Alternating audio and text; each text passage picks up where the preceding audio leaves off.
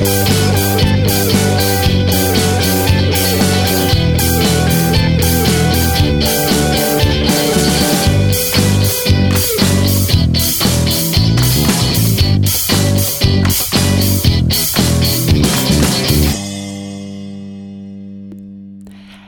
och välkomna till ett nytt avsnitt av Flödet, en podd om skolbibliotek.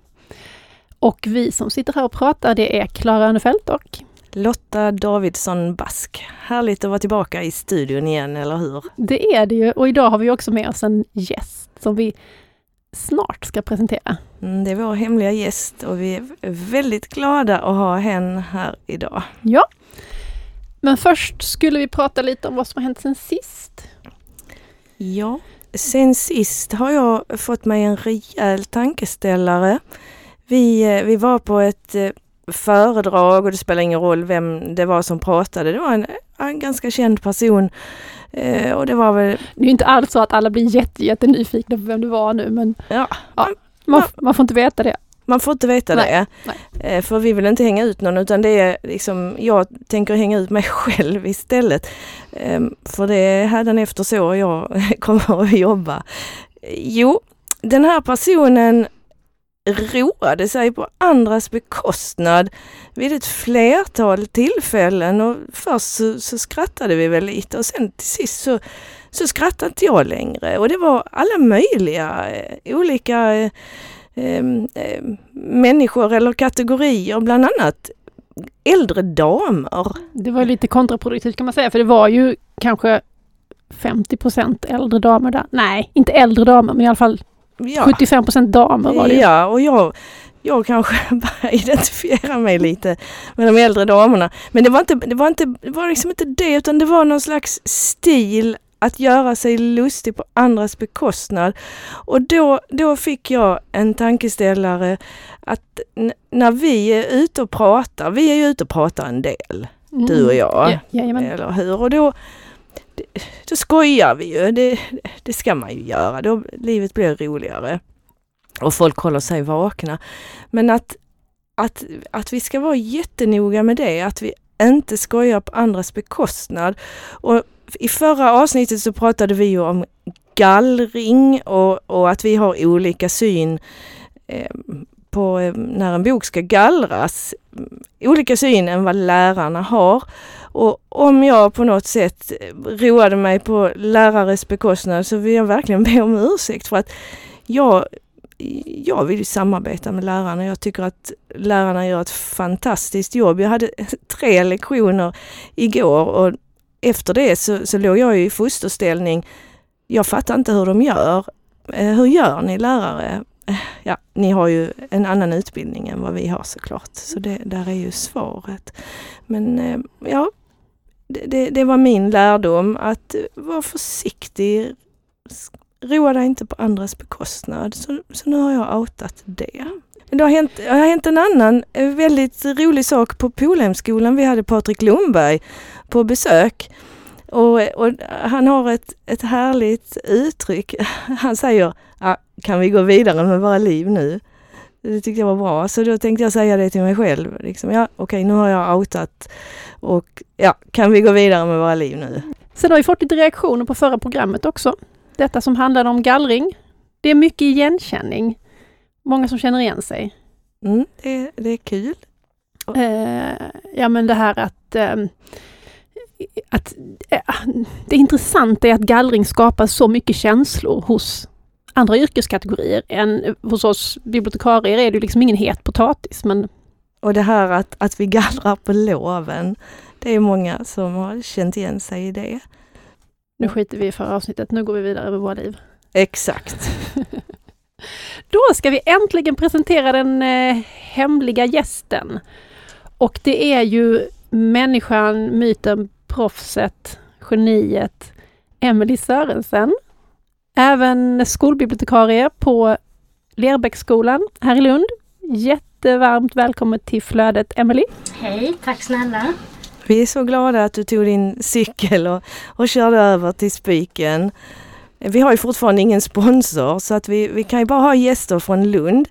Eh, eller sådana som kan, kan cykla hit. Staffanstorp kanske går bra också. Men vi är jätteglada att det är du Emelie för att du, du har alltid funnits i våra skolbibliotekarieliv.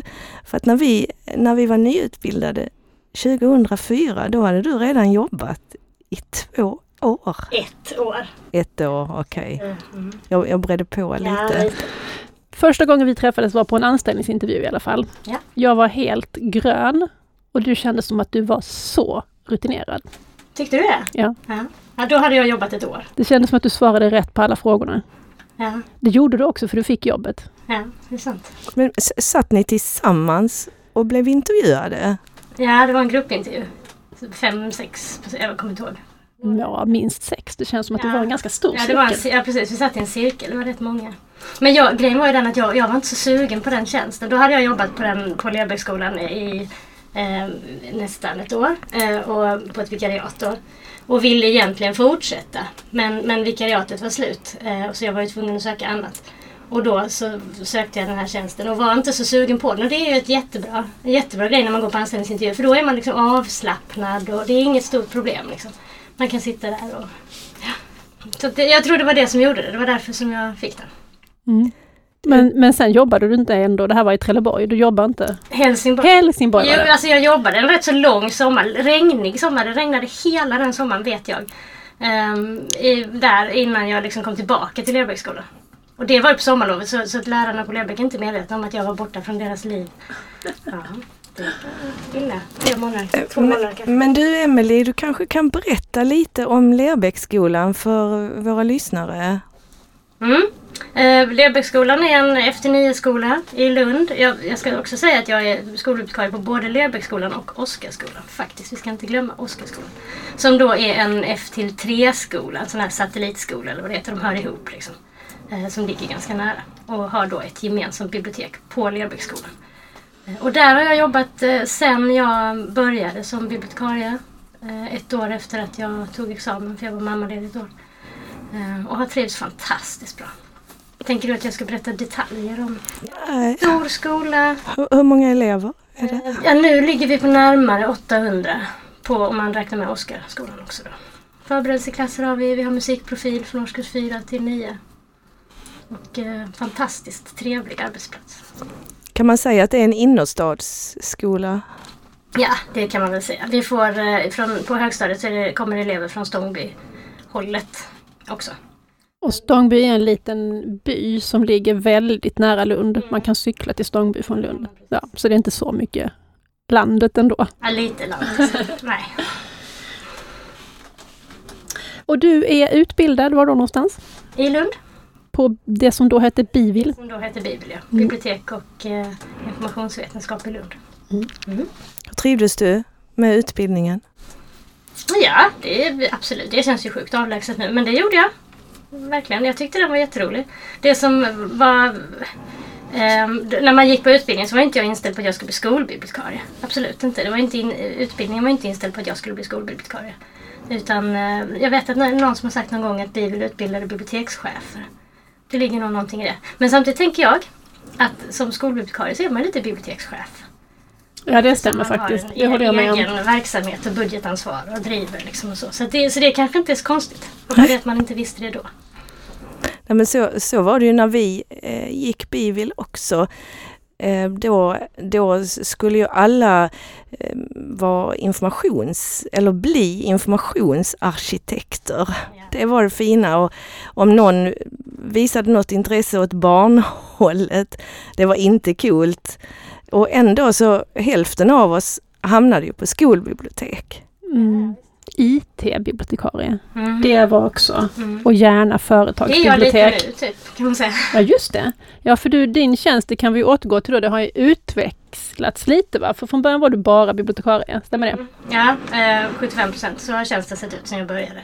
Eh, men sen har jag lagt på IKT som det heter i skolsammanhang. Alltså information, kommunikation, teknik.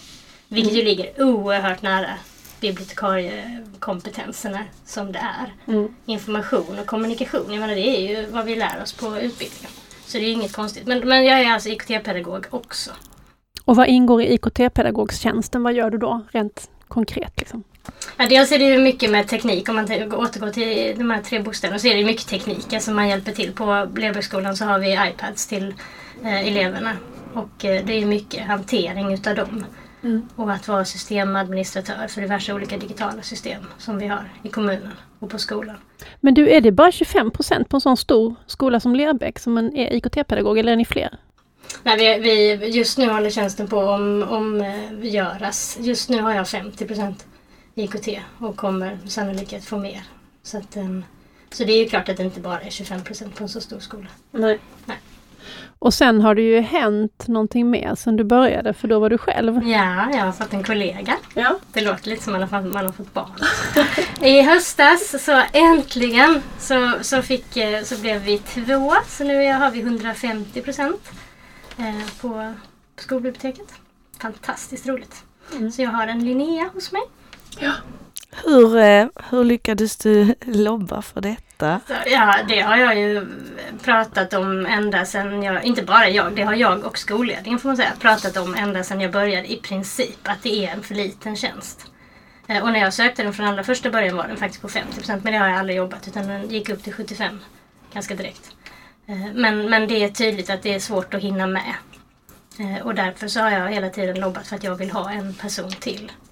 Sen tänker jag att det handlar mycket om de nya skrivningarna i läroplanen. Det har gjort, gett en extra skjuts. Det kommer in väldigt, väldigt mycket MIK i läroplanen från nästa läsår och då har skolledningen tagit sitt ansvar. För det står ju också i läroplanen att det är rektors ansvar att se till att skolbiblioteket eh, används som en pedagogisk resurs i skolan.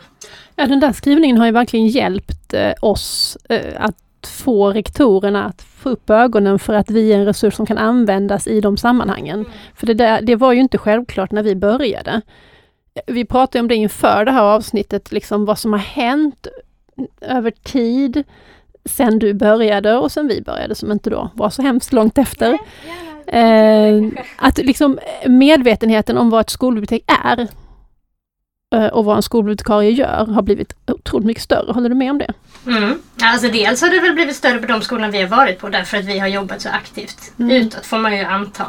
Eh, Men, men överhuvudtaget i samhället, det pratas ju mycket, mycket mer om skolbibliotek idag än vad det gjorde då för 15 år sedan när jag började. Så att, eh, och 14 år sedan när ni började. Så att det, det, det har hänt jättemycket. Det har väl aldrig varit så mycket vind i segern för skolbibliotek som det är nu. Nej, den där vinden tycker jag ehm, har ökat successivt hela tiden. Vad tycker du, Emelie? Ja, ja eller, eller framförallt de senaste. I sådana fall skulle jag vilja påstå att det är precis nu. När, nu har det verkligen hänt någonting. Nu är Liksom. det storm. Ja. Du fick ju göra en powerpoint-presentation om dig själv Lotta, när du började på Fällasgården för de skulle fatta vad du... Mm, Sysslade det, med. gjorde jag, det gjorde jag när jag hade jobbat där ett år. Så gjorde jag en liten PP eh, om, om eh, mig själv och om eh, mina akademiska meriter. Så att de skulle kunna förstå eh, hur, de, hur de skulle kunna samarbeta med mig.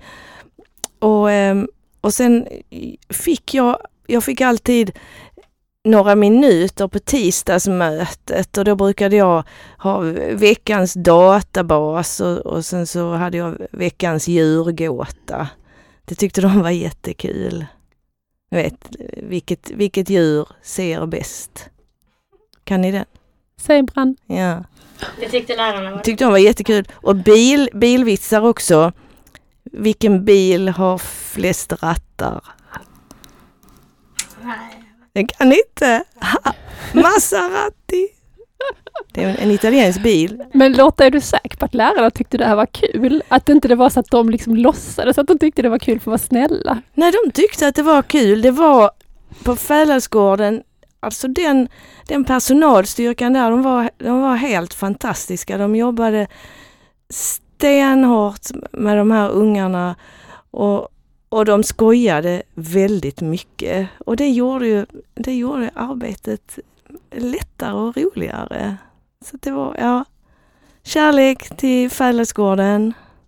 Vad ser du då mer för förändringar under de här, den här tiden? Vad, har- till exempel på din skola, vad är då?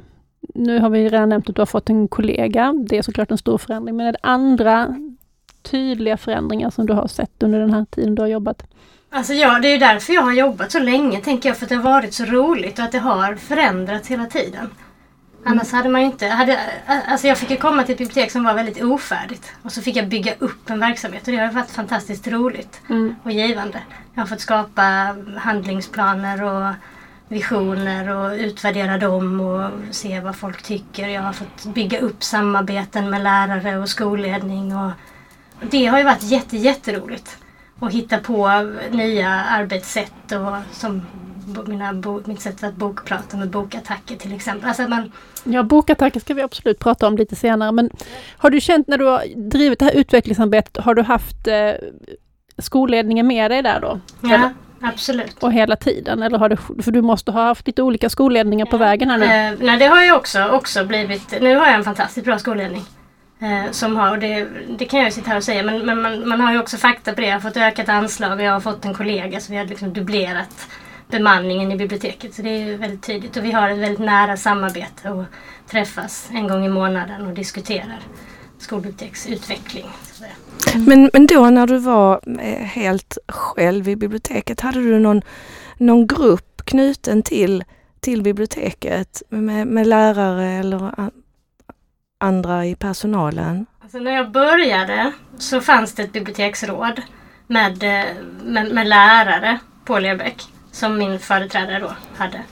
Eh, och det försökte jag krampaktigt hålla tag i ett år ungefär. Eh, ny och grön som man var så visste man ju inte heller, så- säger de att man ska ha ett biblioteksråd så ska man väl ha ett biblioteksråd. Liksom. Eh, Men det, alltså det funkade inte. Jag försökte med att bjuda på kakor och då kom de kanske på mötena. Men det var liksom, vi hade inget att driva. Kanske också för att jag var så ny. Jag, hade, jag visste inte heller vad jag skulle driva. Jag hade nog haft lättare att kanske ha ett biblioteksråd idag när jag vet vad det handlar om. Det gjorde jag ju inte då. Var inte det vi fick med oss från Bibeln. Hur man drev ett skolbibliotek direkt. Liksom. Som ville inte ens ha fika? De ville ha fika men sen... Aha, Nej, hur som helst. där, där tog det slut. Ja. Men vad jag gjorde då eh, var att jag, det var något av det första jag gjorde ändå sådär att jag eh, avslutade biblioteksrådet. Eh, men det var därför att jag lyckades tjata mig in i ledningsgruppen istället. Vilket alltså är den, den grupp på skolan där alla arbetslagsledare och skolledningen och, representanter för SPES och nu då även bibliotek sitter eh, och liksom lägger upp gemensamt utvecklingsarbete. Mycket systematiskt kvalitetsarbete utgår från ledningsgruppen. Så jag ville liksom lyfta så att inte biblioteksfrågorna bara tog sina det lilla biblioteksrådet som ingen kom på om de inte möjligen fick fika. Och där kan man ju också sitta och prata om saker och det kan ju vara trevligt och intressant men ska det hända något så behöver man ju hamna där det finns eh, mandat att bestämma saker. Ja, och ska det vara en del av skolans eh, pedagogiska verksamhet så behöver det vara i det forumet man diskuterar det. Mm. Att det inte ska vara en egen liten fjutt som, som ligger utanför. Liksom det är det vi försöker arbeta bort. Så, att, så därför så la jag faktiskt ner biblioteksrådet och sen så har jag suttit i ledningsgruppen sedan dess. Det är fantastiskt att du sitter i ledningsgruppen. Och när var det här ungefär i tid då som Alltså som jag minns det så, så det kan inte varit mer än något år. Sen, man, de säger det att man inte får gallra första året så jag, man får nog inte lägga ner biblioteksrådet första året heller. Utan det ingår nog. Jag skulle gissa att jag harvade på där första året och sen så tänkte jag nej, nu skiter jag i detta. Och så la jag ner det. Har du haft elevbiblioteksråd? då? Nej, det har jag inte heller. Det är väl däremot en sån där grej som jag har tänkt att man... Det hade ju kunnat kännas mer givande. Eh, men har aldrig eh, hunnits med. Det har inte blivit liksom. Det fanns inte på skolan när jag började och sen är det en sån där tråd som jag aldrig tagit. Utan när jag har utvärderat med eleverna så har jag använt mig av ele- elevrådet. Mm, ja men det, ju, det kan ju vara nog så bra liksom att man inte startar nya grupper bara för att starta nya grupper. Det viktiga är att man har en, en kontakt med Det är ju eleverna. lite samma tanke egentligen. Att man är med i elevrådet istället och i ledningsgruppen istället för att ha separata. Det blir ju på samma sak fast med eleverna så att säga. Jaha, vad har vi mer för saker som har förändrats då på de här 15 åren? Alltså det är ju det, jag tycker det är så intressant vad som, för många skolbibliotekarier stannar ju kort tid på sina skolor. Man, man jobbar två, tre år och sen har man en usel tjänst eller så orkar man inte med trycket för det är ganska jobbigt att jobba själv och så vidare. Och så beger man sig vidare till nästa jobb. Men, så det är få som stannar så länge som 15 år på samma skola. Så det är ju, ja, vad händer när man stannar kvar? Vad kan det mer liksom, ja nu har redan fått flera bra exempel men Ja, men det som är så roligt tycker jag när man är så länge på samma arbetsplats är att man får en väldig kompetens för den platsen. Jag kan alla eleverna, jag vet vad alla heter. Det tar rätt lång tid ändå. Mm. Så nu behöver jag bara lära mig nya F-ord varje år. Liksom. Så har man ju basen. Eh, Jag har liksom väldigt koll på mitt bestånd, alla böckerna. Man vet precis vad man har köpt in och vad man inte har köpt in och vad de brukar använda och vad de inte brukar använda. Man kan årshjulet, liksom man vet vad som händer på skolan under året. Mm. Allt det där som tar lite tid att och, och lära sig och bygga upp. Liksom. Så det är nog mycket det också. Som, som man, det är rätt så kul att ha den, att känna att man verkligen kan sitt jobb riktigt. Det är ju mycket som, som man har gratis då, som man kan lägga energin på intressantare saker. Liksom. Det har vi ju pratat en del om Lotta, det här med att det är, tar ganska lång tid att förstå vad man har hamnat i för organisation när man börjar på en skola. Och det kan ju ta två, tre år. Liksom. Mm. 15 för mig för jag är lite trög. Men det är också mycket annat som, jag, alltså jag har gjort rätt mycket under de här åren. Man tänker skolbiblioteksenkäten. Den började jag med 2000. Just det, berätta vad det var, Emelie, för, våra lyssnare som inte Ja, från allra första början så var det just det, det där som att, att utvärdera då. Så, så tänkte jag att jag ville göra en enkät med mina elever på Lerbäck. Och då hade jag också i samma veva fått gå en utbildning i ett verktyg så jag kunde göra en, en riktig digital enkät. Och då frågade jag nog, eh, jag tror att jag först pratade med Petra Romberg som då jobbade på Gunnesbo. Om hon också ville att hennes elever skulle få vara med. Just det, för Gunnesbo och din skola, de gick i samma skolområde då, så det Ja. var liksom en naturlig kontakt. Ja men precis, och vi hade rätt så mycket samarbete jag och Petra. Eh, och sen så pratade vi vidare med Gunnel Olsson, förlåt, Gunnel Olsson på Skolbibliotekscentralen. Ja. Eh, och föreslog då att vi kanske skulle göra det för hela kommunen, kanske fler som vill. Alltså som jag minns det så var det liksom att vi erbjöd att är det fler som vill haka på så är det helt okej. Och sen så tog Gunnel bollen och gjorde den lite mer eh, officiell och strukturerad och tog det med skolcheferna och sådär. Tog det liksom uppifrån och ner. Eh, Så det beslutades att alla elever i årskurs 9 och årskurs 4 i kommunen på de kommunala skolorna skulle göra enkäten. Och att den skulle genomföras för tredje år. Vilket innebär att den är på gång precis just nu för tredje gången. 2012, 2015 och 2018.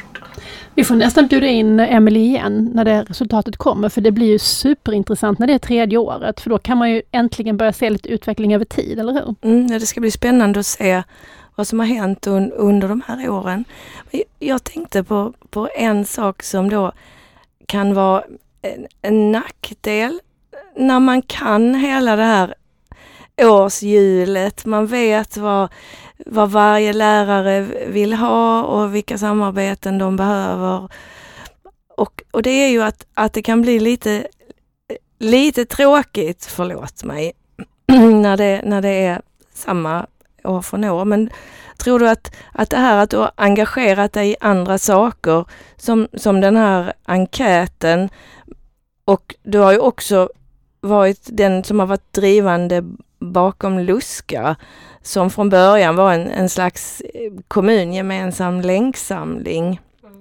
Tror du att, att det är de här grejerna som har gjort att, att du ändå har liksom kunnat fortsätta att hålla på och inte bli uttråkad? Ja men det är ju inte likadant från år till år. Så det är ju, men visst, det är klart att de där grejerna är jätteroliga. Röda tråden är också en sån här grej som vi har gjort i kommunen när vi har satt upp vilka regler vi ska ha eller vilka riktlinjer vi ska ha för informationssökning. Det är också ett sånt samarbete. Så samarbetena med de andra skolbibliotekarierna, nätverkandet, har varit jätteviktigt och jätteroligt. Men jag tänker att även jobbet på skolan har ju utvecklats hela tiden. Kanske just för att det inte var så mycket verksamhet när jag började. Så har jag fått forma den och, och förändra den. Och sen har förutsättningarna förändrats, tekniken har kommit in på ett annat sätt. Man jobbar inte likadant idag som man gjorde för 15 år sedan.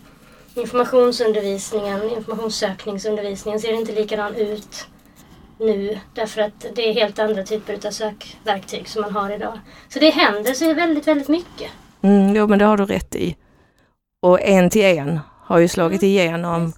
Tänk när vi började, när man satt i en liten datasal så kunde man ha halva klassen och då, och då fick eh, två samsas vid en dator. Ja, det var inte kul Nej. faktiskt. Det, Ja, det har inte- hänt enormt mycket under de här åren, det får man ju säga.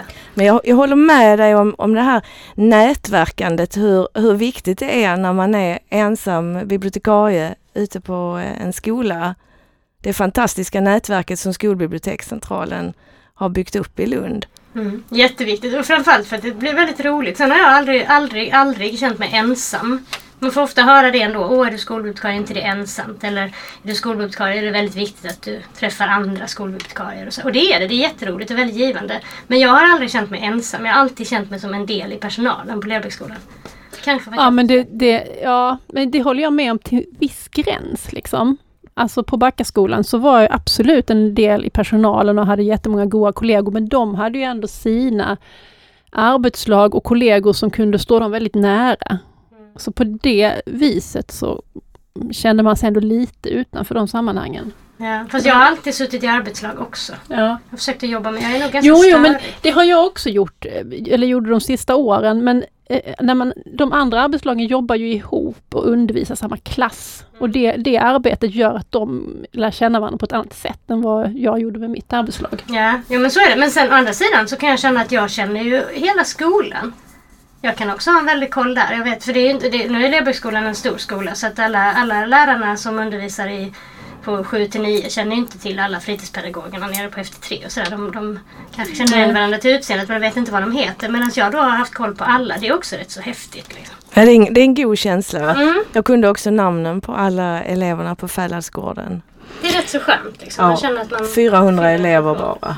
Ja, det var bara, det är bara 100 nya varje år. det var ju inte så mycket. Men... Nej, alltså nu på Hur Polhem. är det på Polen? Ja, det, kan du alla? Nej, det, det, det går inte eftersom det är 2500 elever.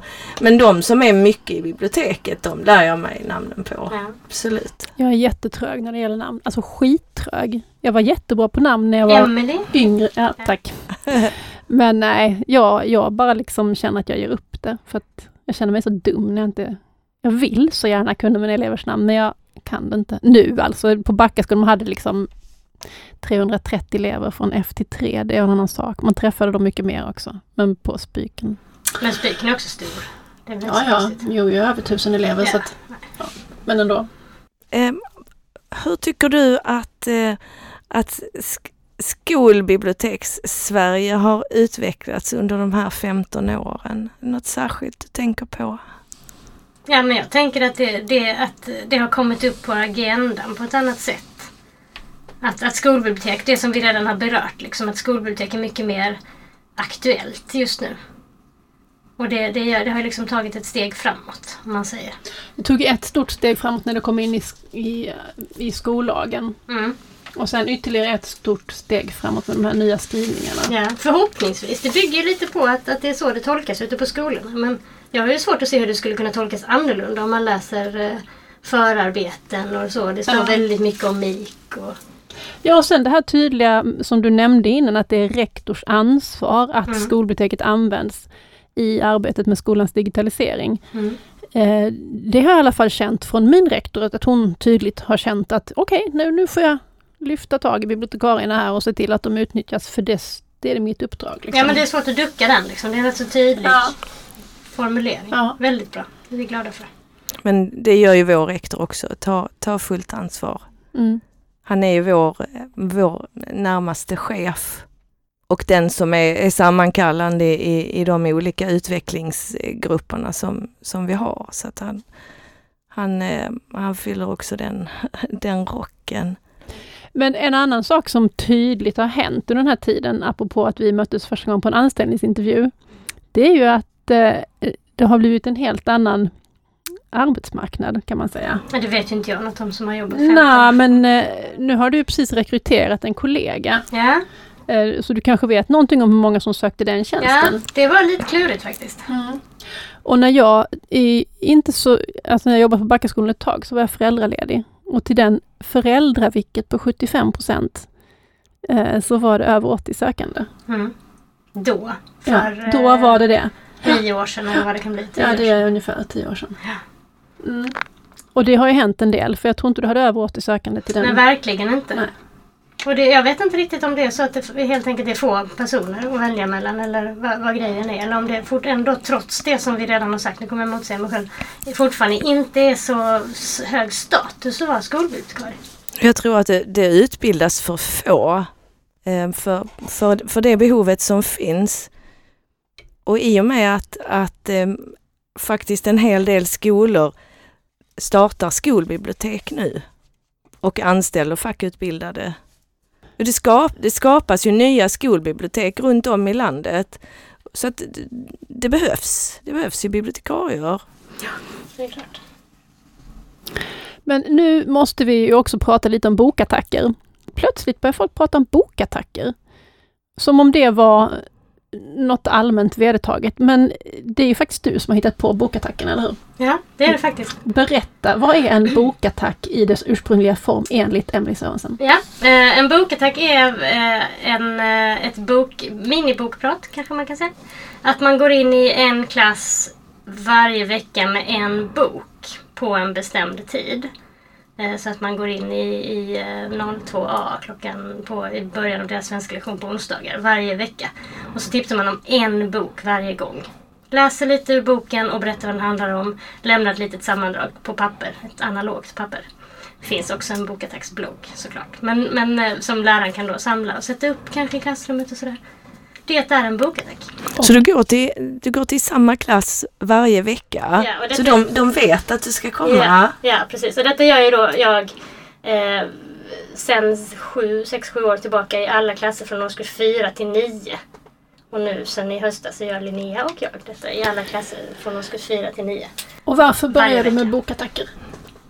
Eh, jag började med bokattack för att jag tyckte så förfärligt illa om bokprat faktiskt. Man tänker traditionella bokprat. Ja, det är härligt. För jag kände att det var, så, det var så tidskrävande och det var så mycket som talade emot mig i det läget. När jag började på Lerbäck så hade jag ju då inte läst in mig. Jag hade ju inte en hel bank i huvudet med böcker som jag har nu. Utan då, jag hade inte läst så mycket ungdomsböcker sen jag själv gick på mellanstadiet i princip. Eh, så att det var varje gång jag skulle ha sånt där bokprat, alltså något sorts traditionellt att man har med sig en hel hög med böcker vid ett enstaka tillfälle till en klass som man då har bokat in. Ofta för att läraren har bett om det och sådär.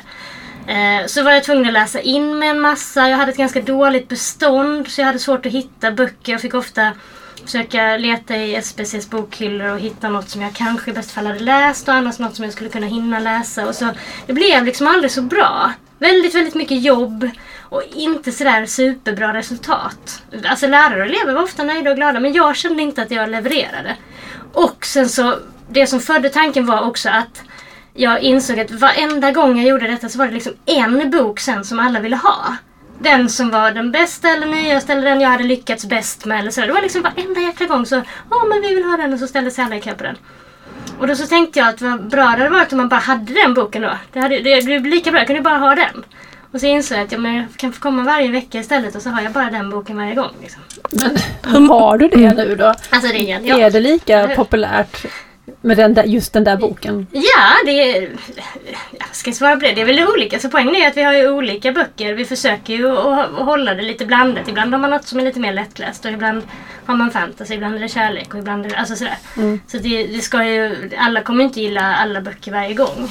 Men hur många exemplar har du sen till utlån av den här eh, boken? Ja, alltså det, det beror lite på. Är den sprillans ny som, som vi bokattacker, så kanske vi inte har hunnit köpa in mer än ett eller ett par ex. Men om man då märker att den här bokattacken går bra, vi kommer köra den i samma årskurs nästa år. Då köper jag på. Eller då köper vi in fler. Så att nu har jag de, de bokattacker som jag har kört i flera år som jag vet att åh, den här brukar alltid sjuorna gilla och så. De, då har jag en 5-6 ex utav den. Och sen bygger det på att man, man ställer sig på kö och och om man inte får den den veckan så kan man ju återgå till den bokattacken som man hade förra, vad var det nu i höstas som Emelie pratade om. Jo men den kan jag låna idag och sådär. Och sen då är det då alltså, då kör du lite samma nu när du har hållit på så här länge så är det liksom, ja men i början på vårterminen så kör jag den här i sjuan och då gör du det. Ja framförallt så vet jag att den här boken kör jag i sjuan. Sen när på året det varierar lite. Jag har vissa som jag brukar köra kring Förintelsens minnesdag. Eller, alltså ibland jobbar man ju tematiskt på det viset. Men annars så handlar det om att jag vet vilken, vilken årskurs varje bok är. Och sen har jag, har jag köpt klistermärken som sitter på dem som det står bokattack årskurs 7 eller bokattack Aha. årskurs 4 eller så. Så eleverna kan också. Och dels för att det ska vara tips i hyllan, att de ska kunna se att ja men det där är ju någonting som Emelie brukar bokattacka, det kan, kan funka så. Eh, men också mycket, mycket för, för mig själv, eller för oss, oss, för att man ska kunna se. Så man inte råkar. Idag så gick jag in i sexorna och så, så, när jag stod framför sexorna så insåg jag att nej, det står bo, klart och tydligt bokattack årskurs 5. Så då fick jag säga hej förlåt ursäkta jag är tillbaka om två minuter så fick jag springa bort och För då har de ju hört den i femman. Ja, precis. Så det, bygger, det, det precis, det är det som är tanken också. Jag har ju då ett, ett helt eh, bibliotek i huvudet vid det här laget. Så jag kan ju bokattacker. Jag kunde ju nu springa tillbaka till bibblan och ta en bok i hyllan och springa tillbaka igen för att jag visste jag hade den sedan innan. Liksom. Och sen kör du olika böcker i olika klasser då? Så att en, I all, olika årskurser. Jo men jag menar, få, om du har eh, en bok, bok X. Kör du den i 7A, 7B, 7C? Mm. Mm, så alla har samma Ja. titel Ja. den, den veckan liksom? Mm. Precis. Och det som också är så himla bra med det här är att de där eleverna som verkligen, verkligen behöver de här boktipsen, de orkar inte sitta i 40-50 minuter och lyssna på en hel bokpratssession. Utan de, de tappade ju fokus efter fem minuter. Det var också vad jag insåg när jag körde de här traditionella från början. Så då, för de eleverna så är det också perfekt att bara ha den här korta, snabba. Liksom. Och sen om någon är hos tandläkaren så missar man inte grundskolans bokprat. som kanske bara är en eller tre gånger eller så. Nej. Utan det, det kommer igen och igen och igen. Det är liksom Ja, men det, är- det är fiffigt. Ja, ni hör, jag, är, jag tycker ju detta är genialt. Ja, Ja. men det är det. Det är, det är verkligen genialiskt. Och det delar upp arbetsbördan. Man sprider ut sin egen arbetsbörda då på hela året. Jag behöver inte hetsläsa inför ett tillfälle utan jag kan lugnt och fint läsa under hela året och boktipsa. Men hur många attacker springer ni runt på på en dag då? Eh, ja, alltså det, det går ju snabbt att räkna på. Vi har eh, eh, tre parallelligt så det är, är 18-19 klasser ungefär inom fyra parallellig i veckan. Mm. För det blir ju ganska mycket per dag. Det styckar inte upp arbetstiden alldeles förfärligt att liksom hela tiden springa iväg och Jo, göra alltså det det är där. ju en prioritering, absolut. Eh, Men nu är vi två så nu är det en, en, eh, ett mindre problem. Så innan jag fick min partner så var, jag ju, var det ju väldigt mycket det jag la min tid på. Mm. Jag har gjort den prioriteringen. Jag tycker att läsfrämjande är så viktigt och vill lägga så mycket tid på det. Så det, det är definitivt en prioritering men jag tycker att det fungerar så oerhört bra. Liksom. Men hur, hur gör du när ni är borta bägge två? Är biblioteket öppet ändå eller låser du? Nej, det är alltid öppet. Det är bra. Ja, och vi har självutlåning och, och trevliga elever. De, så de, de klarar det. Ja, klarar det jättefint. År efter år får biblioteket eh, omdömet att det är en lugn och trygg plats i sådana här trygghetsundersökningar på skolan och så. Jätteroligt. Det är härligt. Det tycker vi, vi, jobb, vi vill verkligen att det ska vara så också. Det ska liksom vara det, den här lugna, trygga platsen man kan gå och sitta och sitta och läsa. Så vi håller rätt så hårt på det att det ska vara lugnt där. Men det funkar jättebra. Och är man nu sugen på att börja med bokattacker så kan vi ju rekommendera din bokattacksblogg. Kan du säga adressen till den? Eh, ja, det hade jag kunnat. För, men jag tror att jag hade... Alltså- ja, men innan hette den Emelies bokattacker. Men det kan den ju inte heta nu när det är Emelie och Linnea. Nej. Och så känner man att Emelie och Linnea, Linneas bokattacker blev lite långt. Ja. Så jag tror att det är så att den heter Lerbäcks bokattacker helt enkelt. Men det vågar jag faktiskt inte svära på. Men om man googlar... Eh, Ah, de är bibliotekarier, de kan googla fram det. och, och det står också mer om eh, mina bokattacker på våran eh, publika sajt, Lerbäcksskolans sajt under bibliotek och IKT. Så står det mer om... Jag har säkert glömt att säga något, något av det geniala med det nu. Men det står där. Ja. Så att, eh, och det är ett tecken också på att det är en väldigt bra idé. Det är ju att det har blivit någon slags allmänt vedertagen term, det här med Kul. bokattacker. Ja, det är verkligen kul att det har spritt sig och, och, och kul att ehm, du nu äntligen får berätta om detta så att ni får rätt, mä- rätt mängd cred för det, tycker jag. Jag funderar på om vi ska börja knyta ihop säcken. Ja, Och då tänkte jag, väl det. ja, jag tror att, att det är dags. Och då skulle jag vilja fråga dig vad du har för tips till den som är nyutbildad och får sitt första jobb som skolbibliotekarie. Vad är ditt bästa tips? Mitt bästa, och det var en så sjukt bra fråga detta faktiskt. Mitt bästa tips är att man ska använda sig av luska. Det var väl ett konkret och bra tips. Därför att du nämnde Luska innan och då från, att det från början var en länksamling som vi gjorde till... Varför ser du så skeptisk ut nu? Nej, jag är inte alls skeptisk. Jag, jag är glad. Från början var det en, en länksamling som vi då gjorde kollektivt i, i kommunen, bibliotekarierna. Eh, men sen hade vi gjort om den av olika skäl och nu är den väldigt, väldigt bra för just för de som vill bygga upp och som vill börja. En, en liksom en tipssajt för bibliotekarier. Vi har olika ingångar. En del är, det är också bra material för, för pedagoger och även för elever och föräldrar. Men det finns en ingång på Luska nu som handlar om som- som heter skolbibliotekarie och skolledning tror jag. Eh, Och där hittar man jättemycket tips på hur man skapar en handlingsplan och hur man, ja, men, vad man ska tänka på. Liksom. Eh, Så det är ju ett väldigt konkret och enkelt tips att följa. Kolla in Luska. Och då googlar man Luska Lund tror jag så hittar man den. Det är ett, ett bra tips. Den är ju, är ju väldigt bra strukturerad, Luska, Eftersom den är uppbyggd av en bibliotekarie. Eftersom den är uppbyggd av Emelie Sörensen Ja. som eh, är vår gäst idag här i eh, Flödet-podden. ja. Och då tänkte vi tacka för oss. Tack så framförallt till dig Emelie. Tack för att du kom. Tack snälla, en ära att få vara er första gäst. Ja men då ska vi innan vi slutar tacka även gymnasieskolan Spiken för lånet av ljudstudion. Och så ska vi tacka rektor Torbjörn som har skrivit vår jingel. Tack så mycket, hej då! Hej då! Hej då!